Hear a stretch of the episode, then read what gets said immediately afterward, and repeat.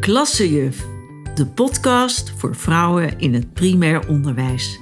Die met lef, liefde en plezier voor de klas willen staan. Mijn naam is Karen Wessels en ik ben enorm gedreven om je te helpen je rol in het communicatieproces vanuit een ander perspectief te bekijken, zodat je op een bewuste en natuurlijke manier je leert te verbinden met je omgeving.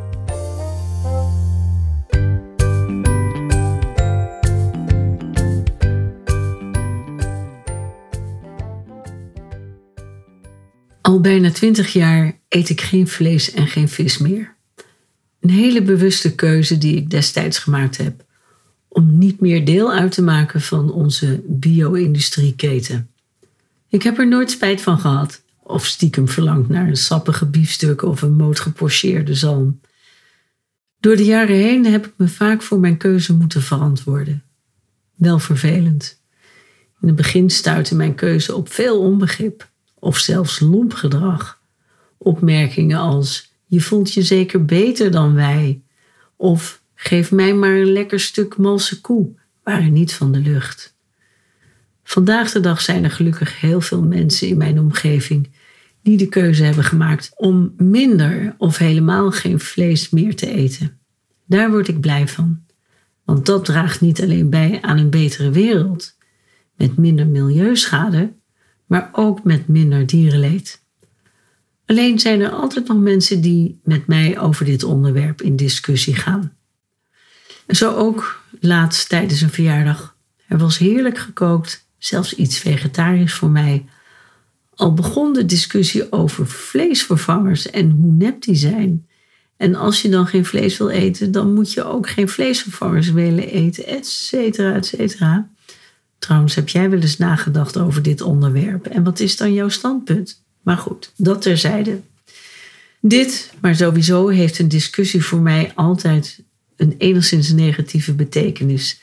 En is iets waar ik liever niet in verzeild wil raken. Zeker niet over dit soort onderwerp. Maar goed, je ontkomt er niet aan. En ik ga het ook niet uit de weg. Zeker, het woord wordt op vele manieren vertaald, hè, discussie. Je kunt ook zeggen debat of gesprek, dispuut of uh, gedachtenwisseling, uiteenzetting. Maar bij discussie denk ik meteen aan hart tegen hart, de andere kosten wat kost willen overrulen of overtuigen met alle middelen die er zijn. Elkaar de mond snoeren is daarbij direct een beeld wat ik krijg. Misschien zeg ik in jouw ogen nu iets vreemds, of wellicht heb je er nooit zo bij stilgestaan. Of vind je het allemaal maar bla bla bla en ga je sowieso iedere discussie uit de weg? Weet je niet goed hoe je je daarin moet opstellen? Of hoe je je moet verhouden tot degene met wie je de discussie aangaat? Natuurlijk, allemaal redenen om de discussie uit de weg te gaan, dat snap ik. Maar persoonlijk heb ik de voorkeur voor het woord dialoog. En dan wordt het een ander verhaal voor mij. Hè? Want dat is een tweespraak tussen mensen over een onderwerp dat beide bezighoudt. Of de moeite waard vinden om er tijd aan te besteden. Zo zie ik dat.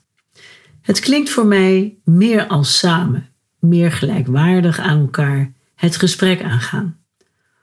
Ook voelt het woord dialoog voor mij alsof er meer intentie is om er met elkaar uit te komen. Dat maakt voor mij wel een groot verschil dan tegenover elkaar staan en elkaar niet laten uitpraten. Dit wil trouwens niet zeggen dat je de onderliggende partij bent of het met elkaar eens moet zijn, maar wel dat je samen op zoek gaat naar een oplossing, naar een uitkomst die voor beide werkt. De win-win situatie. Om te komen tot een dialoog raad ik je aan om onbevooroordeeld de ander uh, te uh, benaderen dus ook in het gesprek sta open voor je gesprekspartner. En probeer zelfs in zijn of haar schoenen te gaan staan. Probeer je voor te stellen waarom de ander bepaalde meningen heeft of wellicht een bezwaar. Hou voor ogen dat wanneer je dat doet, dit nog niet betekent dat je het met elkaar eens bent. Wees daar maar niet bang voor. Maar het helpt wel om je in de ander te verplaatsen.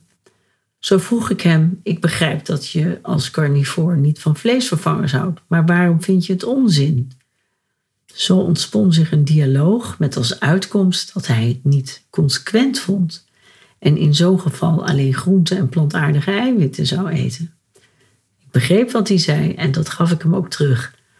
Alleen wilde hij mijn argument dat het voor veel mensen de overgang naar een vlees- en visarm of vrij dieet makkelijker maakt, in eerste instantie niet accepteren, maar gelukkig in tweede instantie wel.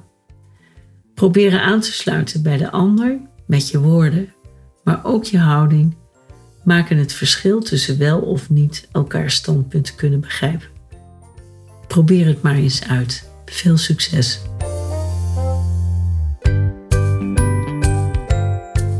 Dank voor je aandacht. Wil je geen aflevering meer missen? Abonneer je dan op de podcast in je favoriete podcast-app. Meer weten? Kijk dan tussen de show notes van deze aflevering. Graag tot de volgende keer.